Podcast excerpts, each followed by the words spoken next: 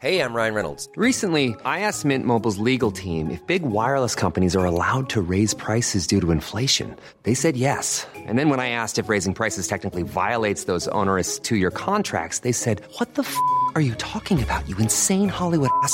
So to recap, we're cutting the price of Mint Unlimited from $30 a month to just $15 a month. Give it a try at mintmobile.com slash switch. $45 upfront for three months plus taxes and fees. Promo rate for new customers for limited time. Unlimited more than 40 gigabytes per month. Slows. Full terms at mintmobile.com.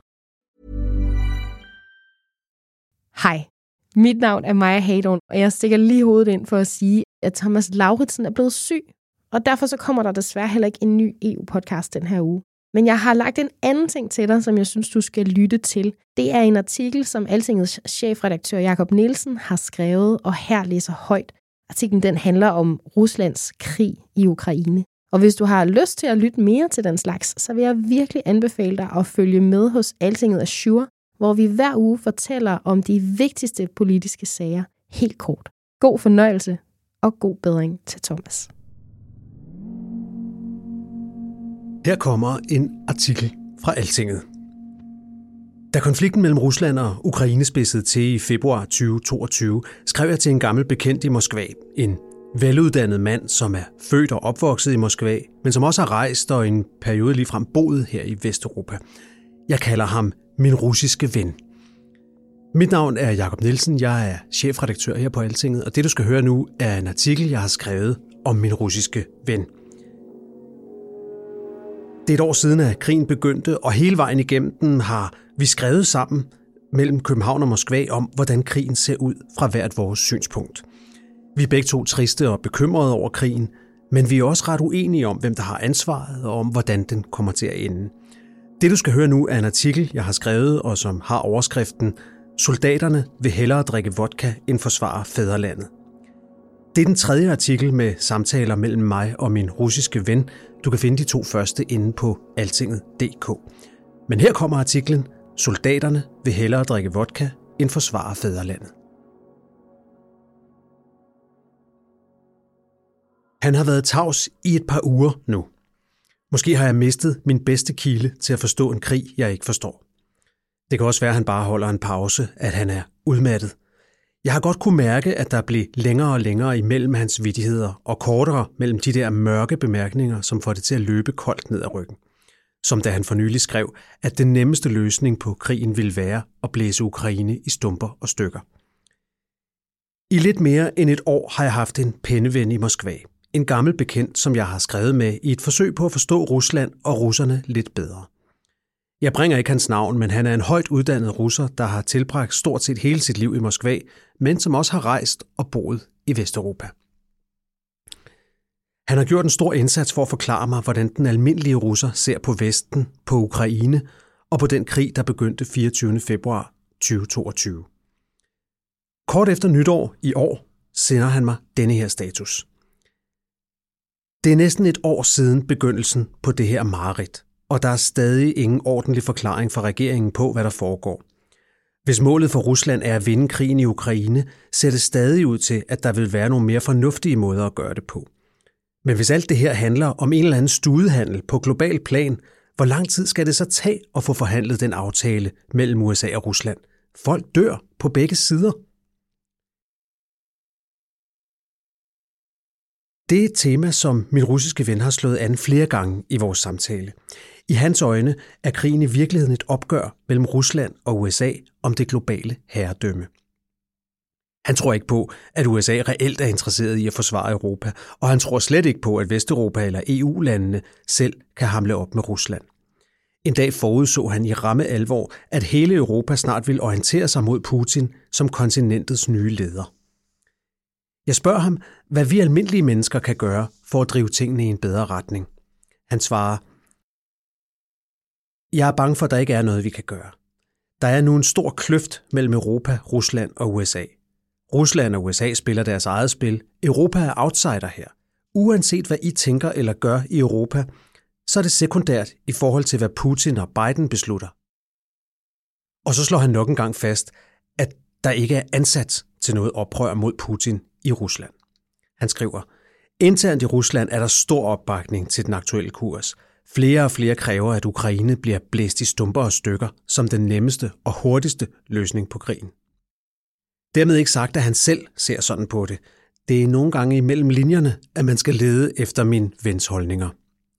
Han skriver, Flere mennesker er begyndt at tvivle. Min kollega sagde farvel og rejste til USA for at arbejde for nogle dage siden, så jeg mener det virkelig, at jeg ønsker fred fra os alle, lød hans lidt kryptiske besked i begyndelsen af året. I efteråret besluttede den russiske regering at indlede en større mobilisering af soldater til den russiske hær. Det var første gang, at familier i de store byer som Moskva og St. Petersborg mærkede krigen på egen krop. Fra en anden bekendt i Moskva fik jeg en skræmmende beretning om, hvordan mobiliseringen var foregået. Systemet i Rusland er sådan, at myndighederne fysisk skal overrække et brev med indkaldelsen til militæret. Derfor rejser mange mænd ud af byen eller helt ud af landet i nogle uger, indtil mobiliseringen var overstået. Men min anden bekendte var hjemme i sin lejlighed den dag, myndighederne ankom i flere lastbiler for at aflevere indkaldelser i hendes kvarter. Beboerne skrev straks til hinanden i en fælles chat på beskedtjenesten WhatsApp for at advare deres mandlige naboer mod at komme hjem. Alligevel blev flere af dem stoppet på vej op fra metroen og fik stukket brevet i hånden, og dermed var de indkaldt. Jeg spørger min ven i Moskva, om han er berørt af mobiliseringen. Han svarer, Potentielt kan alle blive berørt, hvis der bliver fuld mobilisering. Officielt er det jo 300.000, der er blevet indskrevet, men vi kender ikke det rigtige tal. Ingen af mine venner eller familiemedlemmer er blevet indkaldt til hæren. Hans egne tanker om den russiske hær er ikke høje, i hvert fald ikke længere. Det, der chokerer mig mest, skriver han, er, at soldaterne hellere vil drikke vodka end forsvare landet. Så mange er døde på grund af vodka, inden de overhovedet nåede frem til frontlinjen, skriver han og tilføjer, jeg forventer ikke, at krigen slutter snart. Min ven i Moskva vender flere gange tilbage til en kollega, der rejser rundt i USA. Han sender billeder, hvor kollegaen spacerer på Malibu Beach i Kalifornien, og det styrker hans indtryk af, at selve krigen på en eller anden måde er et blodigt skuespil. Han skriver, mange her siger, at Rusland kæmper imod USA i Ukraine, men de glemmer, at båndene til USA stadig eksisterer, og at mange mennesker rejser begge veje. Det er mageløst, skriver han. I det hele taget er han dybt frustreret over de konsekvenser, krigen har for folk som ham selv fra den øvre middelklasse. Ytringsfrihed og fri bevægelse er universelle problemer, skriver han. Her i landet er der emner, som nu er blevet tabu, men folk i Vesten får heller ikke neutral oplysning.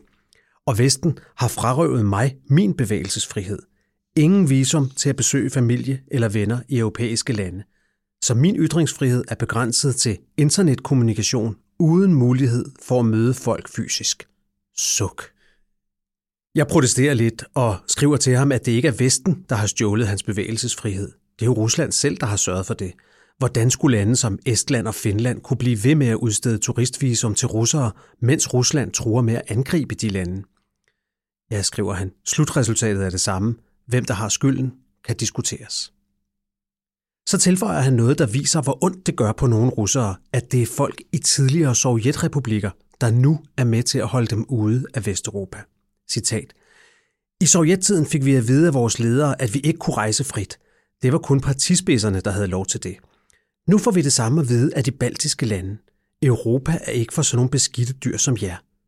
Når nogen vil bestemme, uanset begrundelsen, om jeg må rejse eller ej, så siger jeg fuck dem. Hans vrede driver over, og for et kort øjeblik vender han tilbage til den sarkasme, der ellers næsten er glædet ud af vores samtale. Han skriver, Nå, men russere og ukrainere mødes i Tyrkiet, ved stranden og på bar, mens deres venner dør ved frontlinjen. Vi lever i en fuldstændig skør tid. Nogle gange sender jeg links til min russiske ven med artikler fra vestlige medier om krigen, for at høre, hvordan han læser dem. Han synes som regel, de er interessante, og ofte har han allerede læst dem. Du tror måske, at folk her mangler reel oplysning om krigen, men det passer ikke, skriver han. Ja, på tv viser de et forskønnet billede, men hvem ser fjernsyn efterhånden? Folk læser på nettet, skriver han, og linker til en artikel fra CNN om et ukrainsk angreb, der angiveligt har dræbt hundredvis af russiske soldater. Han skriver, officielt er 63 dræbt, uofficielt mange flere. Pro-russiske bloggere erkender, at de øverst kommanderende ikke er dygtige nok. Antirusserne jubler, skriver han. Problemet er i hans øjne elendige officerer samt den enorme indtagelse af vodka. Han skriver, den typiske russer vil sige, shit happens, og vi ved jo godt, at mange ting i Rusland er af lav kvalitet. Og hvad så? Om Putin tager fejl? Glem det. Fortsæt og læg mere pres på. Og så er det hans tur til at vise mig noget. Han sender mig et klip fra YouTube. Han skriver, her er et godt interview med folk på gaden i Moskva. Det afspejler stemningen ret godt. Klippet fra YouTube møder man adskillige russere, der siger, at de foragter de russere, der har forladt landet. Fra en tur ud i landet, flere hundrede kilometer fra Moskva, sender han mig et billede fra kiosken. Hylderne er fulde af europæiske ølmærker, også Tuborg. De koster mellem 5 og 10 kroner. Nå, det ser ud som om de udenlandske mærker ikke havde så travlt med at komme ud, skriver han med en smiley. Han sender også nogle billeder af børn, der dyrker sport ved et stævne. Det er fremtidens soldater, skriver han. Jeg vil foretrække, at de var IT-specialister. Altså, vi får brug for begge dele, men du ved. I øvrigt er der ifølge min ven ingen i den provinsby, hvor han opholder sig, der interesserer sig for krigen. Selv har han det anderledes. Det er svært at koncentrere sig om arbejde for tiden, men alle må jo passe deres job, skriver han. Jeg svarer, at jeg deler hans frustration over de begrænsede rejsemuligheder. Jeg kan jo nok heller ikke rejse over for at besøge ham, sådan som situationen er. Vi er revet fra hinanden, svarer han, og tilføjer. Jeg håber på en mirakelløsning på den her forbandede krise.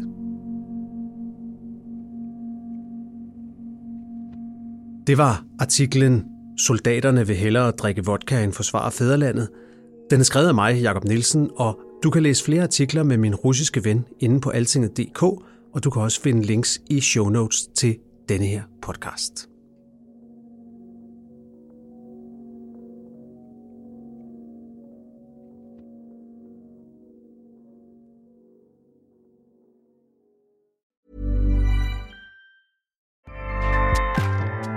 ACAST powers the world's best podcasts.